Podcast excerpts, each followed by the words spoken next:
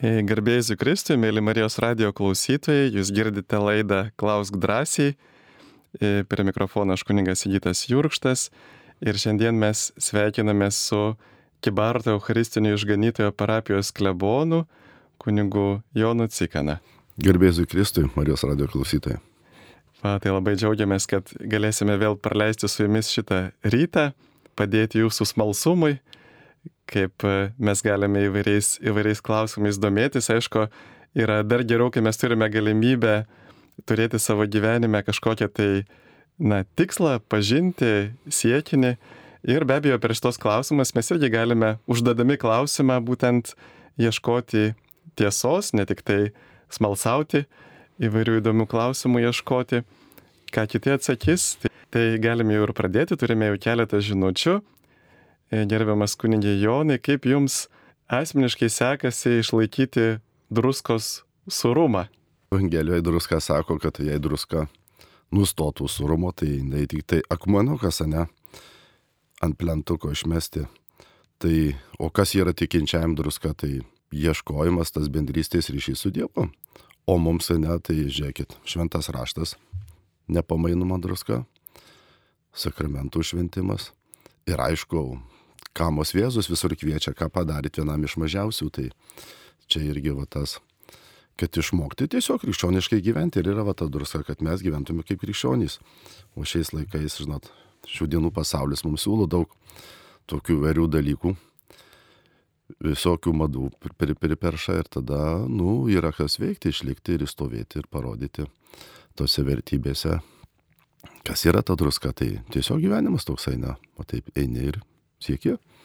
Taip, aš dar jį pagalvojau, kad kaip druskos dažnai reikia nedaug, kad jinai nesugadintų maisto, tai galvoju kartais va tokie maži dalykai irgi mums kaip tik ir sugadina visą mūsų gyvenimą, kaip Siracido knygoje irgi parašyta, atrodo, kad kas niekina mažus dalykus, kas niekais laiko mažus dalykus, pamažu pražus. Tai turbūt čia irgi yra tas, e, kad mes netaptume drungni, kad būtume ištikimi Dievo mažose dalykuose. Dar turim čia tokį klausimą. E, šventajame rašte paštlų darbuose praš, prašoma, kad susilaikytume nuo pasmoktų gyvulių mėsos ir kraujo. Ar e, tai reiktų suprasti, kad yra gerai atsisakyti mėsiškų valgių? Šitas klausimas turbūt irgi keliauja per visą žmoniją. E, pradžios knygoje galime rasti, kai Dievas sukuria žmogų.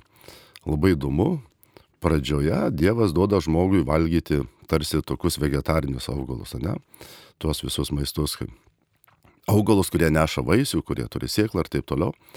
Ir tik tai po to, tai žmonijos tragedija įvykus ir ypatingai po Nojaus tvano, Dievas jau leidžia valgyti ir gyvūnus turinčius gyvybės alsavimą, įskyrus kraują, ne, nes tai yra ta gyvybės nešėjo dalis, ne kraujas.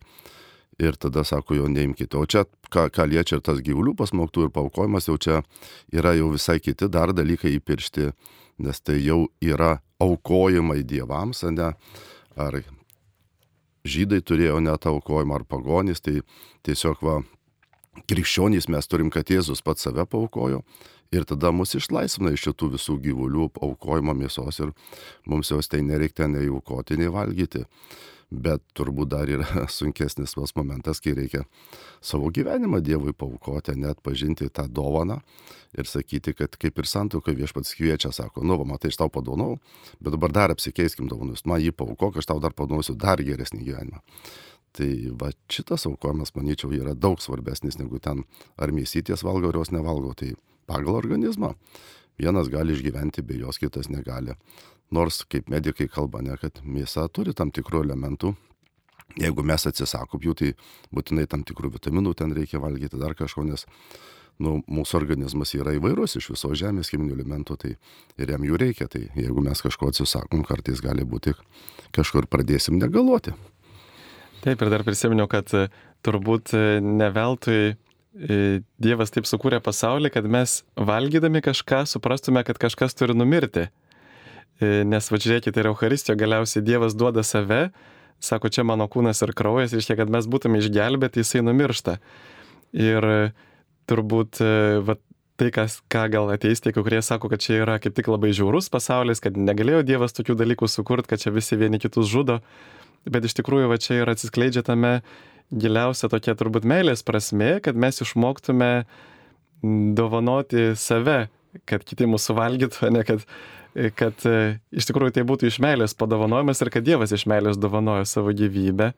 O vakas link e, kraujo irgi, aišku, nežinau kaip jūs, aš, pavyzdžiui, vedurų tikrai nemėgau nuo pat vaikystės, bet toks irgi lietuviškas tradicinis maistas, bet kažkur skaičiau, kad e, čia irgi toksai labiau gal e, buvo aktualus šitie trys dalykai, nu, nuo ištvarkavimo ir šiais laikais yra dar labai aktualu, bet va tas pasmuktų gyvulių mėsa ir kraujas tokie labiau buvo būtent to meto kontekstas, kada, va, kaip ir jūs minėjote, būdavo įvairios apėgos ten su stabai susijusios, tai, tai šiuo metu turbūt ne, neturėtume per daug kreipdėmėsio ir turbūt vėdarus valgyti nebūtų nuodėmė tikriausiai.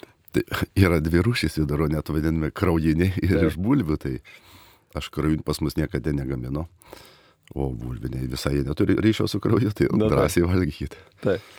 Ir dar klausimas, ar malda, adoracija yra tik malda prie išstatyto švenčiausio sakramento, ar adoraciją galima vadinti ir malda prieš neišstatyto švenčiausio sakramento? Tai matot, galima, pavyzdžiui, mes jeigu kažkur labai sukoncentruojam savo dėmesį, susitelkiam, sakom, net po kam, nu, nu, tai čia jau, jau, jau tu čia jie doroja, net ten prisirišam, jeigu per daug prisirišam prie kažkokių daiktų, mes net kartais ne humoro formą pasakom, tu jau čia adoruoji jį. Tai žiūrėkit, mes ir stapmeldystės, ne tas įsakymas, tai mes galim pradėti vietoj viešpaties adoruoti kažką kitą, tai adoracija ne į viešpatį, tai mes tai tą teisingą kryptį turime, ne adoracijai. O jeigu jau kažkur kitur, tai kodėl mums reikia, kaip krikščionėms, ne to vedlio, pažiūrėjau, švento rašto, ne, arba Euharistijos, nes šiais laikais, ne, ant bangos yra ta mada doroti save ir kalba, kad va aš čia save atstačiau, čia save perkūriau ir daug ten visko, va tas eik į save, save medituok, čia savo meditacijų, tai kai žmogus save medituoja, jeigu jis teisingai medituoja, netara save, kad tokį baigtinį, ne netobulą kūrinį reikia kūrėjau, tai viskas tvarkoja. Bet jeigu atras save ne kaip ant pėdės stalo, nu, tai kas iš tokios adoracijos? Taip. Ir va dar vienas dalykas e, iš skaičio knygos cituoja, Dievas ne žmogus, kad meluotų ir ne žmogaus sunus, kad pakeistų savo nuomonę. E, reiškia, turi minti, kad va tik tai Dievas kalba visą laiką tiesą, nemeluoja, neklysta, Ir Morkus Evangelijos sustarė, kam vadini mane geru, niekas nėra geras, tik vienas Dievas. Kas kada ir kokiu pagrindu sukūrė dogmą ir eilinį žmogų padarė Dievu, e, nes visi žmonės Dievo vaikai. Tai čia gal, aš taip suprantu, galbūt kalbama apie popiežiaus neklaidingumo dogmą, o galbūt ir apie Jėzaus dieviškumą. E, tai Kas gal, liestų šitam klausime Jėzų, ne tai mes nesuplakam į vieną, mes aiškiai sakom, kad Jėzus turi dvi prigimtis - žmogišką ir dievišką. Ir iš žmogiškos prigimties žiūrėkit Jėzus ir ant medžio gali pyktelti, sakyti, kad ant tavęs nebūtų, ne. Tada rimba susisukti, ne, ten tą šventyklą išvaryti. Tai, nu, kartais iš Jėzaus net girdime Evangelijose prašytų netokių griežtų, nežmogiškų tokių kontekstų. Bet Jėzus žinome, kad Jis, kadangi tas dvi turi prigimtis, tai toj dieviškoji prigimtis yra neklystantis, ne, bet ateidamas į žemę ją apriboja. Ir kad mums apreikštų tas dieviškas tiesas, jis eina į tą maldą, ir jeigu jūs vartote Evangeliją, jūs galite nustepti, kad besikartojantis Jėzaus veiksmas, tai anksti rytą neprašvitus išeiti maldai. Ir tai tada tik grįžęs jis sako, va, aš dabar jau galiu vėl jums kalbėti apie tėvą ir pasakyti visą, ką tėvas girdi. Tai Ir Paulius, kaip aprašo, nesako, turėdamas Dievo prigimti nesilaikė lygybės su Dievu, ne? Tai jis kaip prima žmogišką prigimtį, dieviš, dievišką, tą sakytume, savo galę apriboja, kad mums parodyti, kaip žmonės gali ateiti tą ryšį su Dievu ir turėti tas malonės, tai mums duoda tokį va, kaip akstaną ir siekime. Taip, ir iš tikrųjų galima pastebėti iš kai kurių E, Jėzaus pasakymų, tarsi jisai nebūtų, nu, tarsi tėvas būtų už aukštesnis. Pavyzdžiui, net jis pats sako, kad tėvas yra už mane aukštesnis, va kaip jūs paminėjot, kad Jėzus meldžiasi, Jėzus sako, kam vadini mane geru, nes niekas nėra geras, tik vienas Dievas. Bet jeigu kalbant tik apie šitą eilutę, tai dažnai komentatoriai ir išskiria, kad e, galbūt Jėzus kaip tik norėjo paskatinti jo e, tikėjimą e, jo dieviškumu, kad e, ar iš tikrųjų tas žmogus kreipiasi į Jėzų tik tai kaip į žmogų, ar jisai tiki, kad Jėzus yra Dievas, nes e, vėlgi kitose vietose, kitose eilutėse Jėzus neretai vartoja Dievo vardą, aš esu, kurį Dievas apreiškė Mozėje, aš esu, kuris esu prie degančio krūmo. Taip pat Jono Evangelija visiškai atvirai kalba jau nuo pat pirmos eilutės, kad žodis buvo pas Dievą ir jis buvo Dievas. Taip ir jisai tapo žmogumi, per jį visą yra padaryta. Ir žodžiu, kad e, ir ne tik Jono Evangelija, bet ir kitose Evangelijose, pavyzdžiui, kada Jėzaus ten klausia, ar, ar tu esi ten Mesijas Dievo sūnus ir jisai sako, jūs dar pamatysite žmogaus sūnų sėdinti tėvo dešinėje.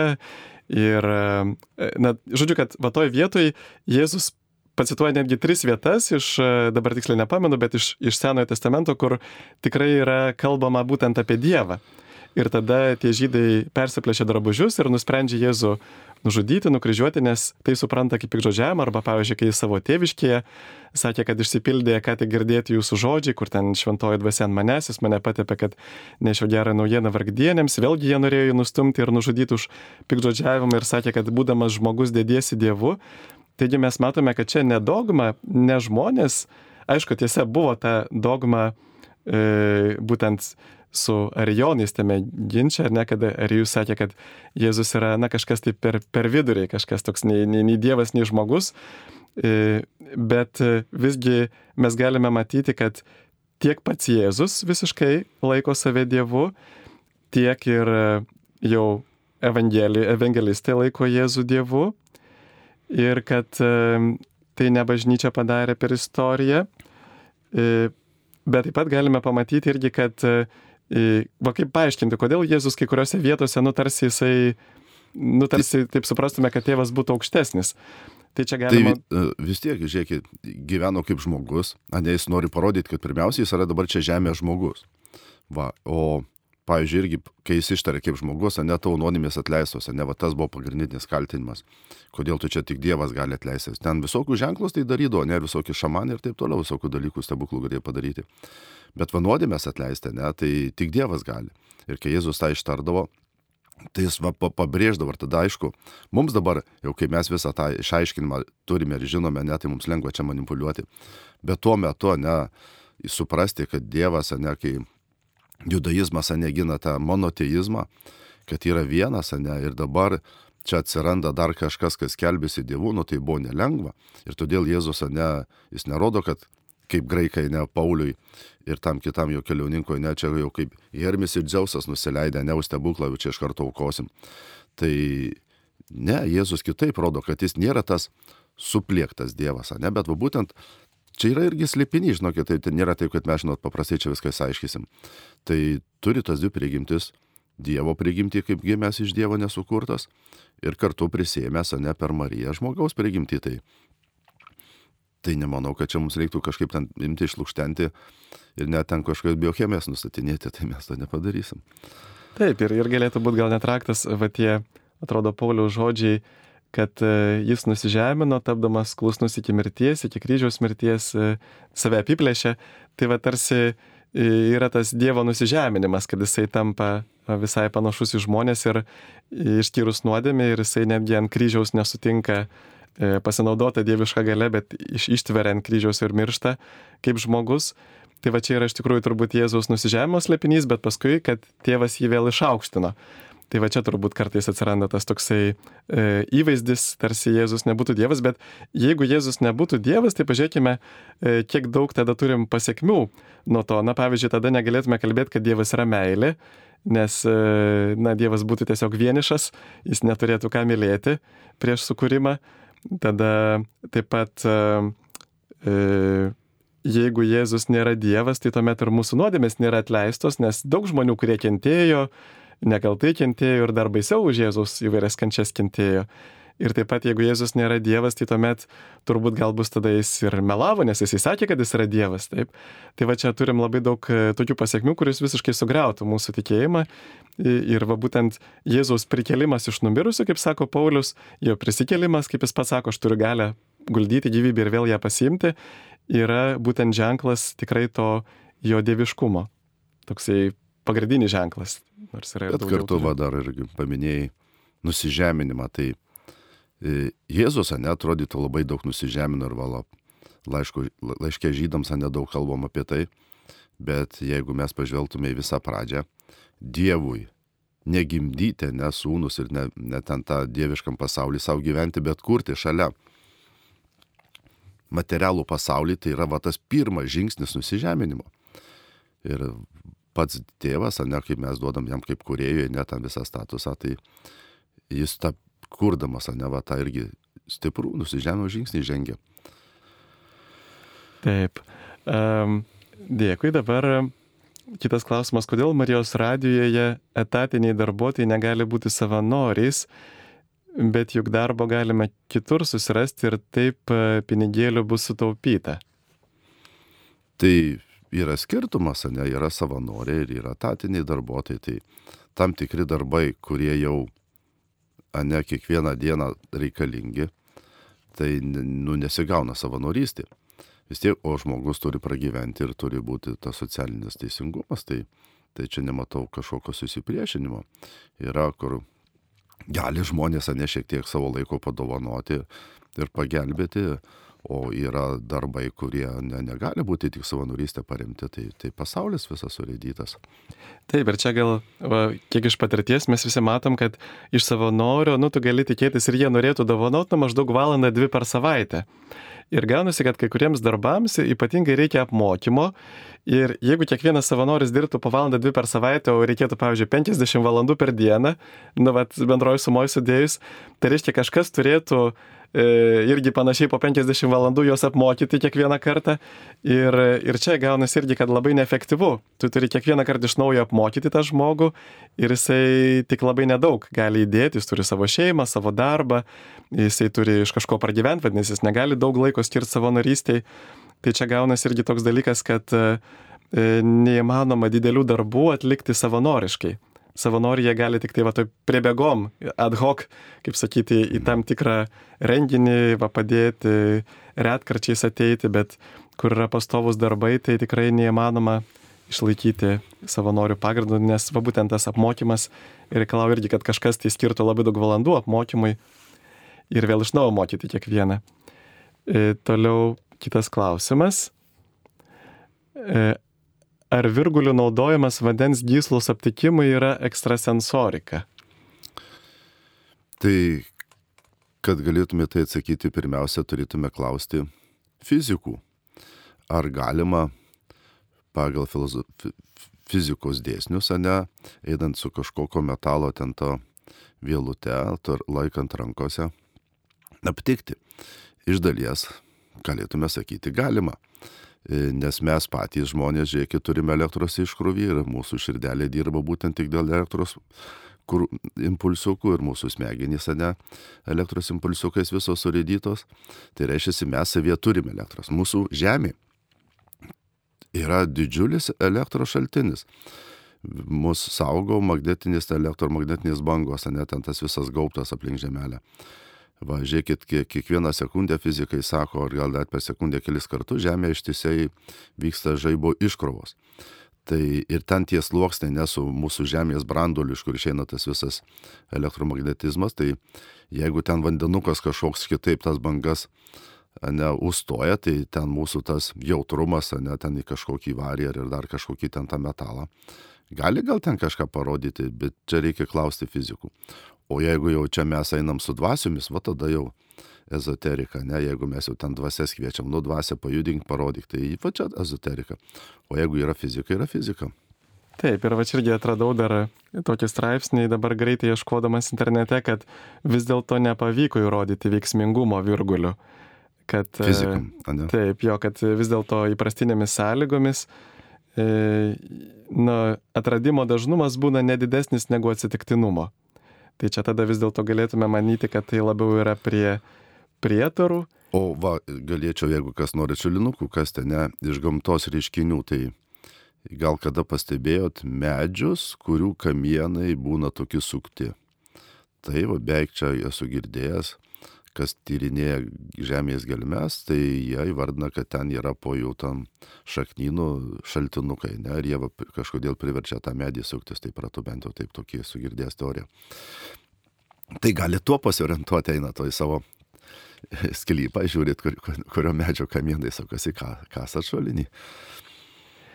Taip, ačiū ir dabar kitas klausimas. Prašau paaiškinkite schemą. Žmogui gimstant Dievas sukuria naują sielą, ką tik gimęs žmogus jau yra kaltas nuodėmingas. E, jeigu miršta nekrikštytas, nepriklausydamas bažnyčiai, amžiams keliauja peklon, jeigu krikštytas priklauso bažnyčiai, bet gyvena kaip bedievis, amžiams keliauja rojun. Ar tokia interpretacija nediskredituoja, nediskredituoja Dievo, galbūt įskirta gojams? Nežinau, ar jau čia taip amžiais viskas nu, nu, nulemta.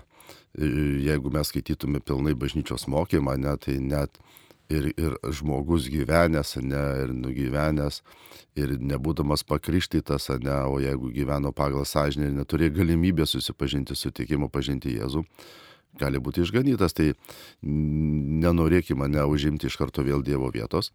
Dabar kodėl ne žmogus tik tai gimęs, neturi gimtą anonimę? Todėl, kad mes gimstame, vadiname laikę po nuopolio.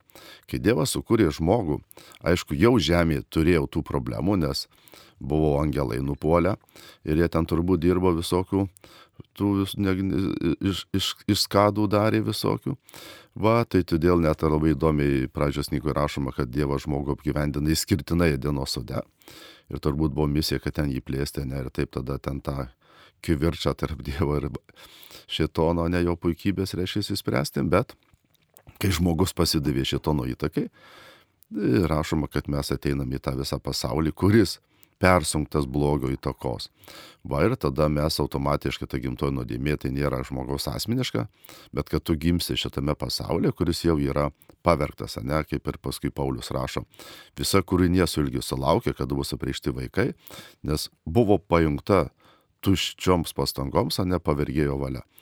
Tai per, per, ne per šitono puikybę mes papuolam į gimtą nuodėmę, ne pasidavę jo apgauliai. Ir tada va tas mūsų kiekvieno kūdikio ateimas būtent rodo, kad mes net netoj santykio, ne hormonijai. Nes žiūrėkit, paskui ateina vaikas, kaip ta patarlė sako, nešvari lenta. Ir kaip mes užauginsim. Ir tada kaip mes žmoniją auginam, ne? mes matom, kaip auginam. Nesiliauja karai, nesiliauja kivirčiai, nesiliauja išnaudojimai, o žmonės ne iš dangaus krenta, mes juos gimdo, mes juos užauginam. Tai nepaisant, kad Dievas iš dangaus duoda kiekvienam asmenišką sielą, bet kadangi aš gimstu žmogumi ir ta gimtosios nuodėmės pasiekmė man turi tiesioginę įtaką. Taip, ir čia, aišku, čia dar kalbant apie gimtąją nuodėmę, apie Adomą ir Jėvą, čia reiktų irgi nepamiršti, kad, na, va, pavyzdžiui, kaip aš galiu sakyti, kad va štai kaip Odisėjas prisirišo prie stiebo, taip ir aš galiu, va, pamokslę apie tai kalbėti, bet aš žinau, kad tai nėra isto, e, grina istorija, taip, kad tai yra graikų mitas apie Odisėją, tai lygiai taip pat ir apie Domą ir Jėvą mes irgi turbūt reikėtų skaityti mito istorijos žanrų, kur yra, jeigu mes pradžių skaitytume, tai tada, va, pavyzdžiui, e, turėtume suprasti, kad ir Dievas per šešias dienas sukūrė pasaulį ir visą kitą, ir kad pasaulį ten keli tūkstančiai metų, nors mus kažkaip pasiekė šviesai žvaigždžių, kur, kur, kuri išėjusi iš žvaigždžių prieš e, šimtus, gal net milijardus metų. Taigi, E, ir turbūt gal nuodėmę galėtume suprasti gimtają ne tai, kad dabar aš esu kaltas, kad gimiau su gimtaja nuodėmė, bet tai yra kaip trūkumas, e, kad veikiau, kad krikštas yra kaip dovana. Kad amžinas gyvenimas man nepriklauso, bet tai yra Dievo dovana, kurią Jėzus laimėjo ant kryžiaus ir per krikštą aš gaunu tą dovaną. Bet aišku, yra ir kalbama ir apie troškimo krikštą, ir apie kraujo krikštą. O pavyzdžiui, jeigu tėvai trokšta, kad vaikelis būtų pakryšytas, bet nespėjo, jis vis tiek, na, tarsi tą troškimo krikštą priima. Arba jeigu ten katakumenai, kurie norėjo būti pakrikštyti, bet nesuspėjo, buvo nužudyti, pavyzdžiui, persikiumuose. Ir, ir tikrai šventoji dvasia veikia to vaikelio gyvenime, kada šventoji dvasia per krikštą nužengia į jį. Ir taip pat tėvai yra atsakingi už, už savo vaikus ir va būtent todėl jų tikėjimas gali tarsi pavaduoti, e, va panašiai kaip jeigu gal net egzorcistai kalba, kai tėvai kartais kaltina, va čia mano vaikai turi problemų visokių, ten blogi, ten laksto, visokių turi apsėdimų, dar kažko, o paskui paaiškėja, kad su tėvais yra problemas, tai, tai panašiai ir gėri tėvai perdoda savo vaikams. E, ir aišku, tas bažnyčios mokymas, nu, buvo toks ant kaip čia pasakyti, ant klaustuko, ilgus metus kalbėjo apie tą limbus, apie tam tikrą vietą, kur patenka nekrikštytų kūdikių sielos, bet čia vad prieš e, visai ganėtinai neseniai tik tai bažnyčia aiškiai pasakė ir popiežius, kad e, vis dėlto nekrikštyti vaikai, jie nekeliauja nei į pragarą, nei, nei į tą limbus, bet iš tikrųjų tai yra tasai ir troškimo krikštas, taip kad jie na, jie vis tiek dalyvauja tame, galbūt net ir kraujo krikštas, pavyzdžiui, jeigu jie aborto metu nužudomi, tai jie tarsi yra kaip maži kankiniai, kurie e, kenčia dėl kitų nuodėmių. Taip, man atrodo, kad Jono Pauliaus antrojo dėmė vėl drėgna, įsitikinkit, pažiūrėkit, gal jėzuitas. Mm, taip, turiu. Ne, nelabai supratau, ką čia norėjau paklausti. E, Taip. A, prieš savaitę vienoje LRT radio laidoje girdėjau kažkada galiojusi posakį, kad prekyba yra sukčių verslas. Ir prekyba uh, užsima žmonės apie tai turėję pasisakyti kunigui per išpažinti. Kiek čia tiesos? Nu tai galim paprastai pažiūrėti. E, jeigu aš perparduodu, ne, tai tada kiek mano vertas tas darbas, ne perparduoti aš ten kažkur įsigijo, ne kažkur kitur atkabenu, šiek tiek pasėdžio, nepalaukiu, kol ateis pirkės ir parduodu, ne. Tai jeigu aš tik užsidedu tokį antkainį, ne va, kad va būtų verta man šiek tiek užsidirbti, nes aš perparduodu, tai dar viskas čia būtų tvarkoje, ne. Bet mes pažiūrėkim ir kaip mūsų ekonomika, na, ypatingai tie didėjai visokie verslininkai, kiek jau užsideda antkainių ir tada vėl jie samdo darbuotoją, jie kiek savo pasilieka procentų, kiek duoda darbuotojų užsidirbti. Tai, nu, ne jokia paslaptis, ne čia mes, va, buvo visur žiniasklaidoje daug kokias sąlygas jie net jiem pardavėjams siūlydavo, net ten su pampersiukais pasėdėti ir taip toliau. Tai va čia visur tas yra nemoralumas, ne nežmogiškumas. Tai, pavyzdžiui, aš va vis su savo kolega vienu, irgi kursiniu kunigėliu, savo pabendraujam ir palyginam, kaip mes gyvenam lietuviai ir lenkai, ne.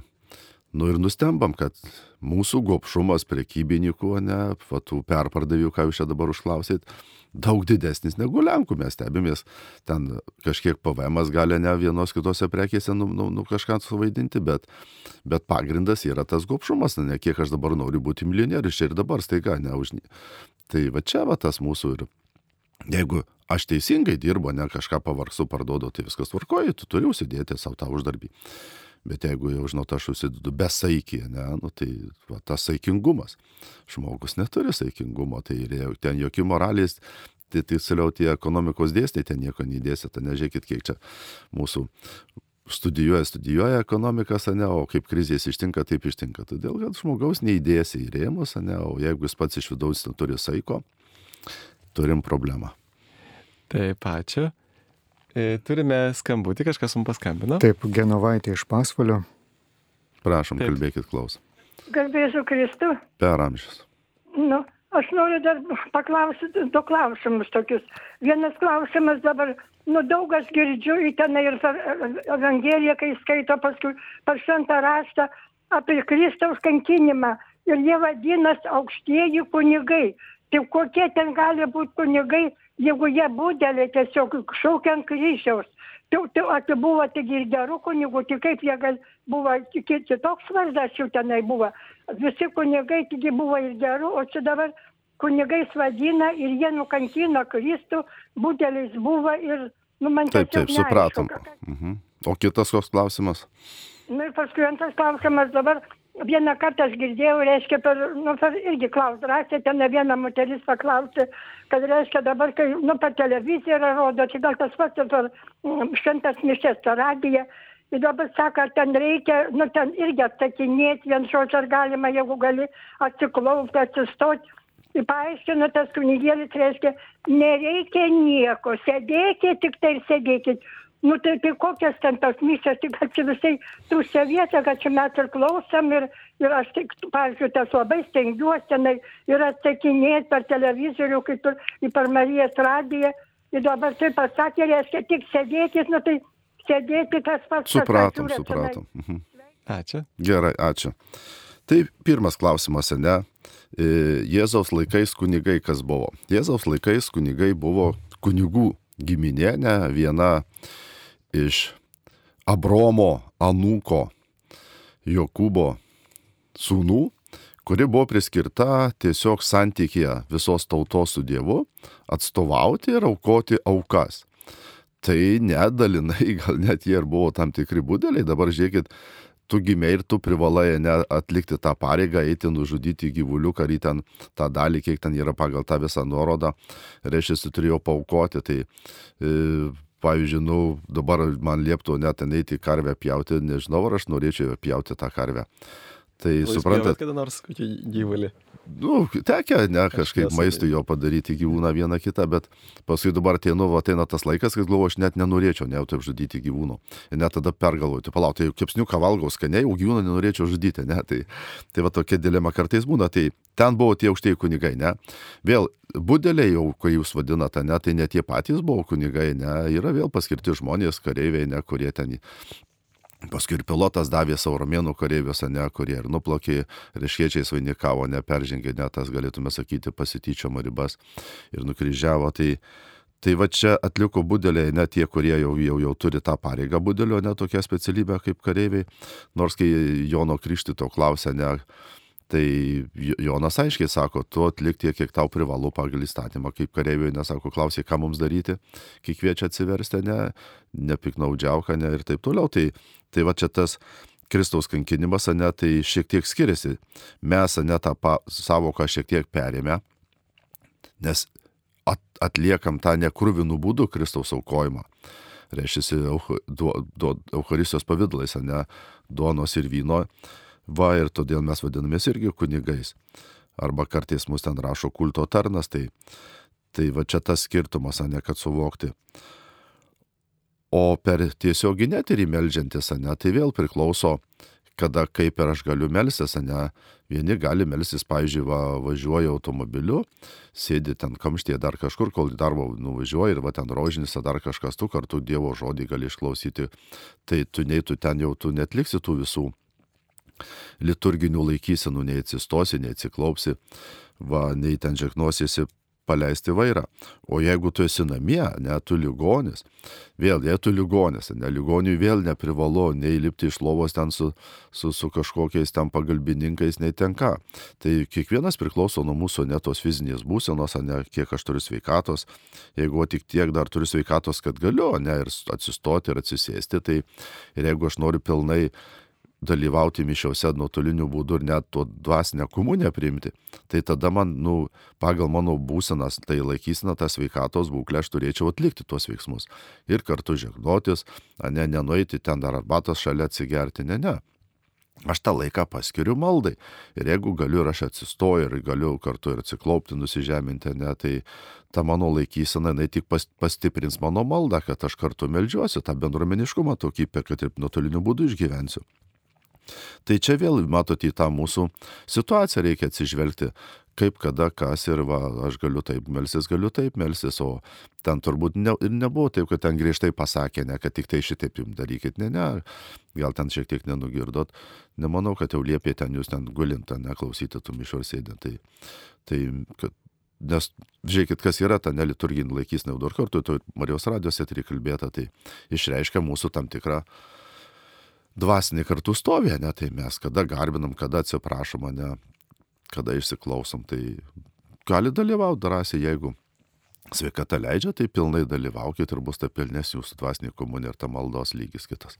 Na taip, aš pagalvoju, pavyzdžiui, jeigu žmogus važiuoja autobusu ir klausėsi mišių, na aišku, jisai fiziškai galėtų atsiklaupti autobuse, bet turbūt nerekomenduotume. Tai. Na, tai kam ten kitus, ne, trikdyti ar dar kažką, tai vis tiek atsižvelkim, gerbkim ir kito tą erdvę, gal kitas dabar nežino, ką tu čia darai, žinai, tai kas tavo, dar kvies tau greitai, saky, žmogui blogą pasidarė, nesuklupo. Tai. Taip, reikėtų gal ne, ne, nesureikšminti tų tokių, nu, nes tada mes irgi galėtume, kad Dievas tarsi už gimnastikos pratimus mus dabar čia nais tik išorinėmis akimis mus mato ir e, mus, na aišku, aš čia taip gal šneku, nes man pačiam sunku yra klūpėti dėl, dėl kelių, bet, e, va, bet, bet kas dėl kunigų, tai aišku, mes visi tą matome ir tų visų problemų su mumis. Bet aš tai pasakyčiau taip, kiek, kiek melžiatės už kunigus tokius ar gaunate? taip. Ačiū už maldas. Tai e, kodėl žmogaus gimimo vieta dažnai sprendžia, kokį dievą turėtum pripažinti? Tai kadangi žmogus ateina, jau kaip buvo paminėta, ta graži tokia tiesa švari lenta. Ir reiškia, jį auklėja tėvai, kurie tuo metu išpažįsta tą religiją. Tai būtų nesusipratimas. Aukl... Pačiam, neturint santykių su Dievu, nu, kokią tą religiją išpažįsta, ne, kaip tu jos ieškai, kaip tos tiesos. Ir to neperduoti vaikui, tai būtų nemeilė, nepagarba tai tėvai iš meilės vaikui turi perduoti, ne va šitą visą tą tiesą.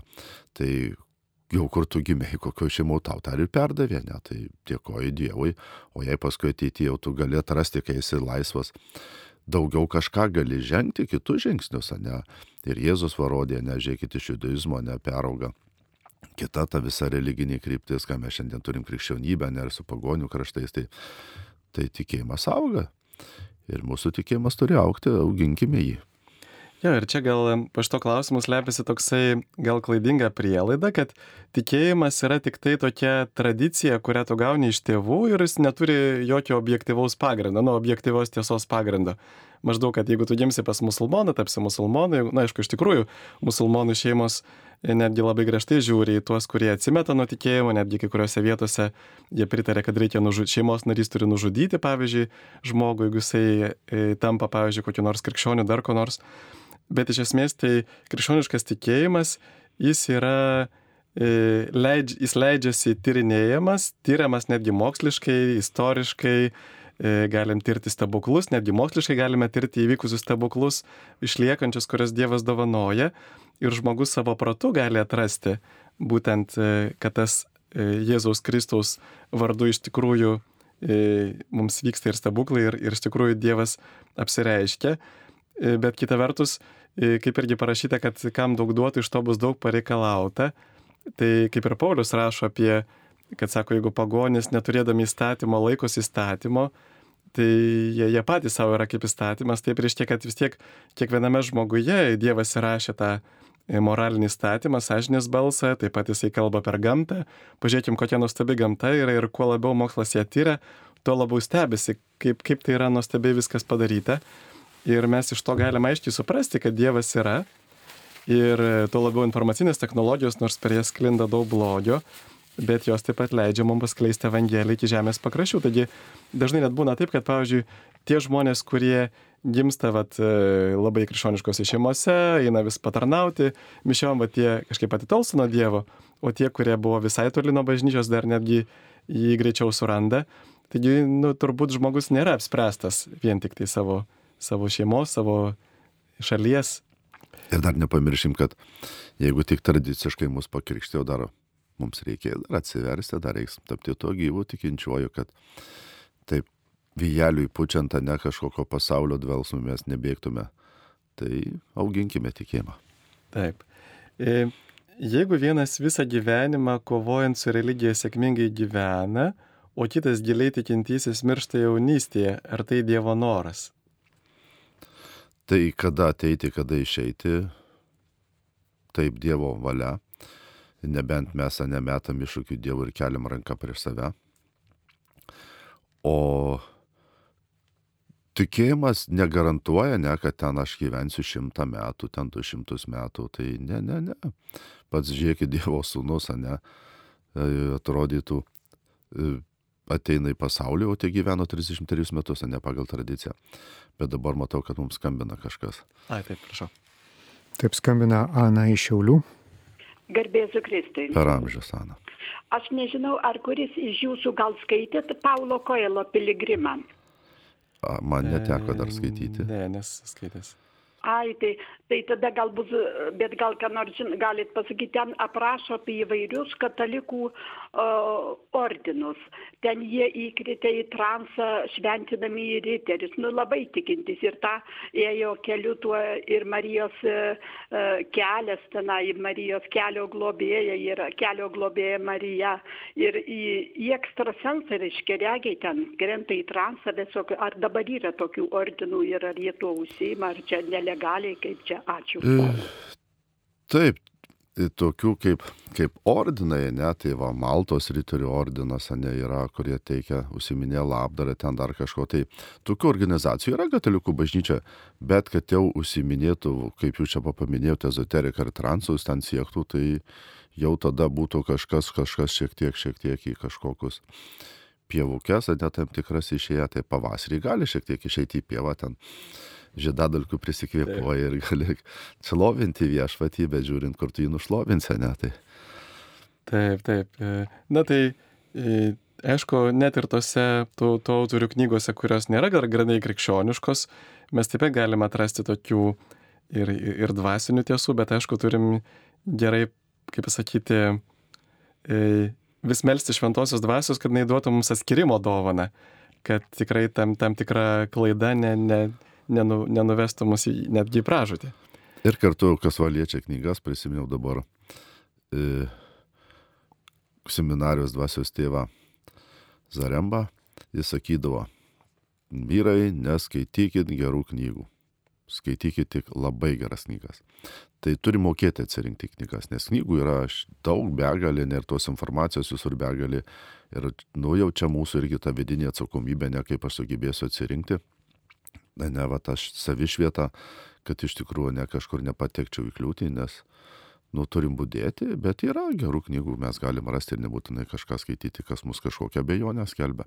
Bet abejonė mus vėl, nebijokim, tai kviečia mus ieškoti tiesos, tai va, ką ir darote, neieškot kitą kartą, gal kažkas bus skaitęs, galėsite tai pakomentuoti. Taip, kitas klausimas. Sėkminės švesime sekmadienį, kokia dvasinė sėkminių prasme? Taip, kasgi yra sėkminės?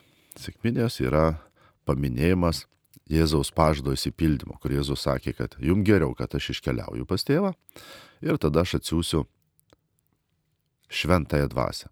Šventąją dvasę Jėzus ir šventame rašte mes randame labai įdomiais terminais. Pavyzdžiui, vienu terminu advokatas yra, ne, guodėja, gaivintoja, tada malonių teikėja, tai daug, daug, daug ten šventosios dvasios vardų. Bet jeigu va dabar ir, ir devindienė meldytis, ir, ir, ir visuotinė malda e, skaitinių knygoje labai įdomi šventoji dvasia paminėta. Šventoji dvasia pirmiausia paminėta kaip meilės ryšys tarp tėvo ir sunaus. Ir tada, kuri ateina mus atgaivinti. Bet kas labai įdomu, irgi su šventoji dvasia nepamanipuliuosim. Jinai, kaip Jėzus sako, jinai kaip vėjas. Nežinai, iš kur ateina ir kur link nueina. Tai jinai ateina mums duoti Dievo malonių, tai mes turim būti pasiruošęs priimti. E, dabar dar kitas klausimas, ką reiškia e, raginimas paukoti save švenčiausiai Marijos širdžiai. Ar čia nėra nukreipimas nuo Kristaus, nes pati Marija, būdama tik žmogus, visada rodė tik į Kristų? Labai geras klausimas. E, galim irgi matyti, kad e, Dievas nesivaržo su šventaisiais dėl garbės, bet jisai pats e, tuos šventuosius išaukština. Ir čia turbūt svarbu yra ta mūsų intencija. Taip, aš, pavyzdžiui, jau kažkada buvau minėjęs, kad sutikau, pavyzdžiui, ligoniai tokią moterį, sakau, ar norėtumėte švenčiausio sakramento, sako, ką man tas tavo Kristus, sako, aš Mariją garbinu. tai iš tikrųjų būna ir tokių žmonių, bet jeigu mes suprasime kaip atsidavimą Marijai, kaip uh, pagalba, o kaip šventas Pranciškus matė tokią viziją dviejų laiptų, ant vienų laiptų buvo Jėzus nukryžiuotasis ir broliai vis ėjo, ėjo ir, ir klupo ir niekas neužlipdavo iki viršaus, jie nukrisdavo, jiems būdavo per sunku eiti tuo Jėzaus keliu, kuris yra kryžiaus kelias. Ir kada viršuje atsirado kiti laiptai su mergelė Marija viršuje, tada jie lengvai pasiekė viršų. Tai čia gal tiesiog irgi tas atskleidžia, kad mums reikia Dievo pagalbos, kad mes susivienytume su juo, kad įvykdytume jo valią, kuri veda per kryžių. Ir čia Marija yra tiesiog Dievo siunčiama mums pagalba, jos motiniška meilė, motiniškas užtarimas mums padeda, bet, bet tai nereiškia, kad mes turėtume prie Marijos prisirišti ir Kristų pamiršti. Taip, pa, prisiminkime Jėzaus e, žodžius paskutinius ant kryžiaus, kad pagrindė mums ją kaip motina nepadovanoja tai. O Marija e, jos tie pirmi tokie santykiai, kai Jėzus pradeda viešą veiklą. Darykite, ką jis jums lieps. Tai va, tuose rėmose, jeigu mes turime santykių su Marija, tai labai gerai. Jis mus veda pas viešpatį. Taip, kaip Liudvigas Monfartėtis yra sakęs, kad tai yra kaip e, e, forma, Dievo forma, kurioje šventoji dvasia nulieja šventuosius. Tai reiškia, kad tai yra toks greičiausias, tiesiausias kelias pas Jėzų, bet labai svarbu, kad mes va būtent, va ypatingai kuo gal galėtume tas kelias, kad būtų saugesnis, tai prisimint, kad Marija, jinai visą laiką širdėje saugojo ne tik Jėzaus kūną, bet ir Jėzaus žodžius. Jinai labai labai mylėjo Dievo žodį. Tai va, jeigu mes labai mylėsime Dievo žodį, tai taip pat e, būsime teisingam kelyje. Tai prašom, mums paskambino. Klausytoja gintarė. Garbėjas Zikristai. Per amžius. Žinote, aš noriu jūsų pasiteirauti. Esu pati tikinčioji, bet e, kaimynų tam tikras elgesys ir keliarius metus trunkantis tas elgesys, e, na, e, galbūt taip psichologiškai veikia. Ir noriu jūsų pa- pasiteirauti, ar reikia imtis kažkokių priemonių, jeigu kaiminė akivaizdžiai prieš mūsų namus žegnojasi, kažkas šnapžda languose, kurie yra į mūsų namo pusę stato kryželius. Toks elgesys jos trunka jau apie keliarius metus, nors kaip minėjau, tai psichologiškai veikia. Prieš tai yra buvęs su ją konfliktas, kurio metu na, mus prakeikinėjo ir linkėjo blogio. Nu tai va jau kaip ir jūs ir atsakėt, kad žmogus yra konfliktinis, e, kartais taip, nes net ir tarsi gali apsimesti tikinčiuoju, naudoti, bet jeigu jau tu ir prakeiksmus naudoji, tai nurodo, kad tu neini tą pil, pilną tikinčio atvira širdimi. Ir tu mani, manipuliuoji, tai, žinot, kalbėtis. O po to, kaip ten sako, tikinčiam viskas įmanoma, ne? Jeigu jūs patys, va, tikintys esate, ne, tai jūs irgi darykite taip, ne, bet jūs galite ją irgi laiminti, sakyti viešpatį, o aš laiminu tavo vardoje, ne, jeigu jinai kažkokio klaido ar dar kažkur, ne. Tai, o Dievas nesusipyksta. Jeigu ir jūs, ir jinai esate tikrai šyri, tik tai kažkur liko kažkokia širdgėla, nes nesusikalbėjot, tai Dievas suves, kad susikalbėsit, o jei ne, tai jeigu jūs va gyvena tikinčio gyvenimą, tai tas blogis jūsų nepalies. Jisai nuo mūsų nubyra, bet jeigu mes kažkur net irgi turim spragų, kaip Petras sako, šitonas kaip jo romuojantis liūtas lankioja, ne, jis gali net išnaudoti ne ir artimuosius, ar kaimynus, nu, tai gali tada kažkiek prieiti prie mūsų, bet jei jūs veda tikėjimo gyvenimą, tai nebijokit, laimykit, melskitės už ją ir ką, toks gal kryželis jums, ne padėti jai panešti irgi, nes viešpats duoda mums panešti vieni kitų kryžius. Aišku, tai nemalonu, tai, bet Žinot, galit, galėčiau sakyti, ne, užkalbykit, paklauskit, bet jeigu buvo konfliktas, ne, ne, ne visada būna žmonės visi sukalbami, ne, ir turim tų visokių ir, nu, ir, ir, ir tų psichinių tokių negalių, ne, tai nebūtinai mes susikalbėsim, tai, bet malda mums gali padėti, tai ne, kreipkitės į savo jos angelą sargavą. Angelai sargai yra tie, kurie mums padeda susikalbėti. Tai irgi nepamirškime, ne kartais metą vaikystėje kreipiamės į angelėlį sargužėlį, o paskui pamirštame. Tai, o dabar nauja proga atgaivinti maldoje santykių su angelais sargais. Nes jie regi viešpaties veidą ir jie padeda mums išlikti tiesoje. Tai va, įjunkit kūrybingumą savo tikinčiosios ir, ir laiminkit ją, nepaveskit ją Dievoje, ne, ir patys gyvenkit stiprų tikėjimo gyvenimą ir nepaveiks, o ką jinai daro Dievulio, nu ką padarysi. Galėtume sakyti, ne, nu turi teisę, laisvė, va, kaip žmogus pasirenka, aišku, jos atsakomybė, kodėl jinai taip daro. Taip, ir, ir čia galim prisiminti irgi, kad e, žmonės labai dažnai bijo tokių prakeiksmų visokių irgi dėl prietarų, bet argi nesakė Jėzus e, Senajame testamente, kad laiminsiu tave laiminančius, keiksiu tave keikiančius. Na, arba pavyzdžiui, kad Paulius sako, e, štai Dievas sakė, mano kerstos aš atmokėsiu, o jeigu tau kažkas daro blogą, tai tu jam daryk gerą, nugalėk blogį gerumu. Tai turbūt gal svarbu yra, bet ir malda labai svarbu, bet kartu ir, ir žodžiu pasakyti. Kartais žmogus tol neduoda, ne, neturi progos atgailauti, kol mes jam nepasakome, bet nesupykščiu, bet su meilė pasakyti, kad jis ne, nesigintų, priimtų. Ir taip pat gerą darbą, kai mes padarom, meilės darbus darom, tada kartais sugriūna tos puikybės tvirtovės, kurias šitonas pastato, vat kartais užtenka vieno mažo meilės gesto, Ir kaip kažkada aš vis prisiminsiu, kažkada viena mergina tokia mane labai iškeikė ir aš prie pietų stalo mes kartu valgėm, prisiminiau iš Evangelijos tą, kad, nu, tu turi daryti gerą už blogą, nu, galvoju, ar tikrai veikia. Ir aš jai padaviau lėkštutę sūrio su ta tokia meilės intencija ir jinai tą pačią minutę, pačią sekundę pradėjo manęs atsiprašinėti. Tai va galvoju, o, pasirodo veikia kad tada žmogus supranta, kad jis yra apgautas, kad iš tikrųjų, tas, kad mes jam nelinkėjom blogio. Na, va, tai dar turim daug klausimų, galim čia dabar ir stengtis trumpiau atsakyti juos dabar. Tai E, kaip atlikti viso gyvenimo išpažinti?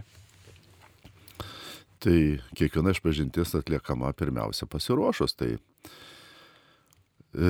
šiaip turėtumėt nu, turėti kažkokią intenciją, kodėl aš noriu to viso gyvenimo išpažinties. Ar, ar gali būti, kad ne prieš tai turėjau kažkokį gyvenime, nu tą tokį drungnumą, ne kažkokiu nuodėmių, gal net pažinau. Tai Bet žinome, kad, pavyzdžiui, žiūrėkite, jeigu mes prisimermam pamirštą nuodėmę, tai mes kito išpažinti tiesiog ją pasakome. O vėl, žinot, turėtumėt su kažkokiu irgi dvasios palydėtų tą aptarti klausimą, kad jums padėtų tą suprasti. Galima tą dalyką padaryti, bet tai neturėtų būti kažkokia ne, kaž, kaip čia įvardyti, ne kad tokių skrupulų paskui netaptų. Gal aš dar čia pilnai kažko neišpažinau, gal dar kažko pilnai neišpažinau. Ne, ne, dėl mūsų dvasinio augimo gali tai būti, ne, kai mes painame į priekį, bet, bet tuo nemanipuliuokit ir pasitarkit su dvasios palidėtoju. Mums taip, skambina. Taip, svarbiausia, kad, kad sunkės nuodėmės išpažintumėt ir kad gerai pasiruoštumėt skaitydama sąžinės patikrinimo klausimus. Taip, taip prašom. Alfredas iš Kauno. Ai, ai gal klausti? Taip, prašom. Ai, aš norėjau paklausti apie Marijos sako, Marija mirė, bet sūnus Jėzus ją toj prikelia ir paėmė į dangų su kūnu ir siela. Tai ar jis buvo, jį buvo pavestas apaštalo Jono globai, bet Jonas apie tai Evangelijoje nerašo, apie jos mirtį, kada jį įvyko ir kaip Jėzus ar buvo jis antrą kartą atėjęs iš dangaus, ar kokį telepatinių būdų, kaip jis veikia. Taip, iš kur žinome, kad Marija paimta į dangų su kūnu. Tai mes turim bažnyčios tradiciją ir turim tą mokymą, kad skelbėme ne jau pirmieji krikščionys šitą mintį puoselėjo, o Je, Jėzus, e, matote, Evangelija yra Jėzus, to Dievo sunaus geroji naujiena, tai nebūtinai jis ten turi daug, kiti evangelistai rašydami ten dar kažkokiam kito asmenį nepridėti, tai tai tiesiog ten ir turbūt ir jis neparašo to.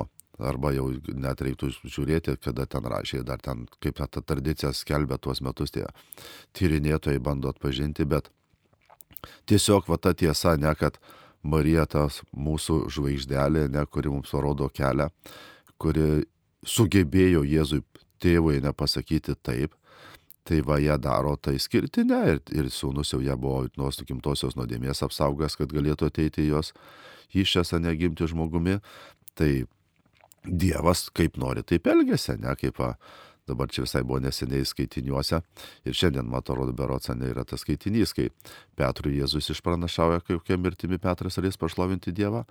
Ir Petras paklausė Jono, tai sako, kas tavo, ne, tai tu rūpinėsi savo reikalu, o kaip Dievas ten kam, kad duoda tą dovaną, su džiaugsmu tik tai galiu pritarti ir ploti. Tai mes džiaugiamės, kad Marija yra danguje, nes mes turim tokią galingą užtarėją. Ir kad net ir su kūnu, nu, tai mums dar didesnis akstinas stieptis, siekti tos malonės, kurią Dievas mums yra davęs. Taip, ir galim prisiminti, kad tai nėra naujas dalykas šventajame rašte. Pavyzdžiui, Elijas ir Enochas irgi buvo paimti į dangų su kūnu. Ir negalim sakyti, kad nėra šventajame rašte, nes Jonas taip pat parašė prieškimo knygą. Ir prieškimo knygos 12 skyriuje jisai mato danguje didingą ženklą, moterį apsisiautusi saulė su 12 žvaigždžių vainiku. Ir būtent jis kalba apie mergelę Mariją, nes ta moteris būtent yra ta, kuri parašyta pagimdė e, sūnų, kuriam skirta valdyti tautą. Nu, žodžiu, kuri pagimdė Jėzų. Taigi jisai turi tą viziją, bet aišku, tokia šiek tiek pridengto apokaliptiniu stiliumi papasakoja, kad jinai yra danguje, koronuota, jinai ten yra, nu, ne kaip dvasia, bet su kūnu. Taip, toliau kitas klausimas. Prašau paaiškinti, kas yra šventosios dvasios krikštas. Taip, šventojo dvasios krikštu bandoj, ne toks terminas, kai tu tikintysis, ne tampi samoningu tikinčiuoju. E, pas mus tai yra išreiškiama, galėtume sakyti, sutvirtinimo sakramentu, kai jau va, manome, kad paauglys, ne va taip jau nuo 14 metų, jis gali laisvai pasakyti, kad ačiū tėveliai, mamytės, krikštatėviai, kad mane krikštijote, ne kad mokėte, aš dabar noriu pats būti samoningas tikintysis. Va ir pats žengi, tuo tikėjimo žingsnius. Tai, tai ir yra tavo tas dvasios krikštas, ne? Ir Dievas gali tą parodyti įvairiom malonėmis, tai bet Dievas duoda tų malonių mums begalę. Mes kartais labai ten kai kuriuom tik keliom dovanom bandom mane ap, apriboti šiek tiek net tą šventosios dvasios veikimą, tai neribokime, šventoji dvasia veikia labai, ne, nebūtinai dabar ten tas sutvirtinamiosios turi jau ten pradėti kažką veikti tokio, bet svarbu jisai save priima kaip Dievo mylimą vaiką ir tada žiūrėkit gali užaukti, baigti mokslus ir tapti kokiu net medicinos gydytoju, negero, nu tai va, ir tai bus jam dvasios krikštas būti tuo gydytoju, kuris padės žmonėms.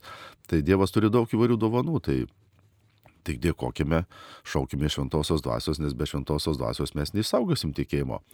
O net ir gydytojas, ne va, kaip, kaip smagu, kai gydytojas turi tikėjimą, net tada sugeba ir su, su šeimos nariais, ne visai kitaip, ar ten sukio lygo ir dar kažką. Tai, nu, čia kaip tik pavyzdys, ne, bet tose visose mūsų gyvenimo srityse, specialybėse, ne, kur mes tarnaujam tarnystėse, visur reikalingas tas mūsų žmogiškumas.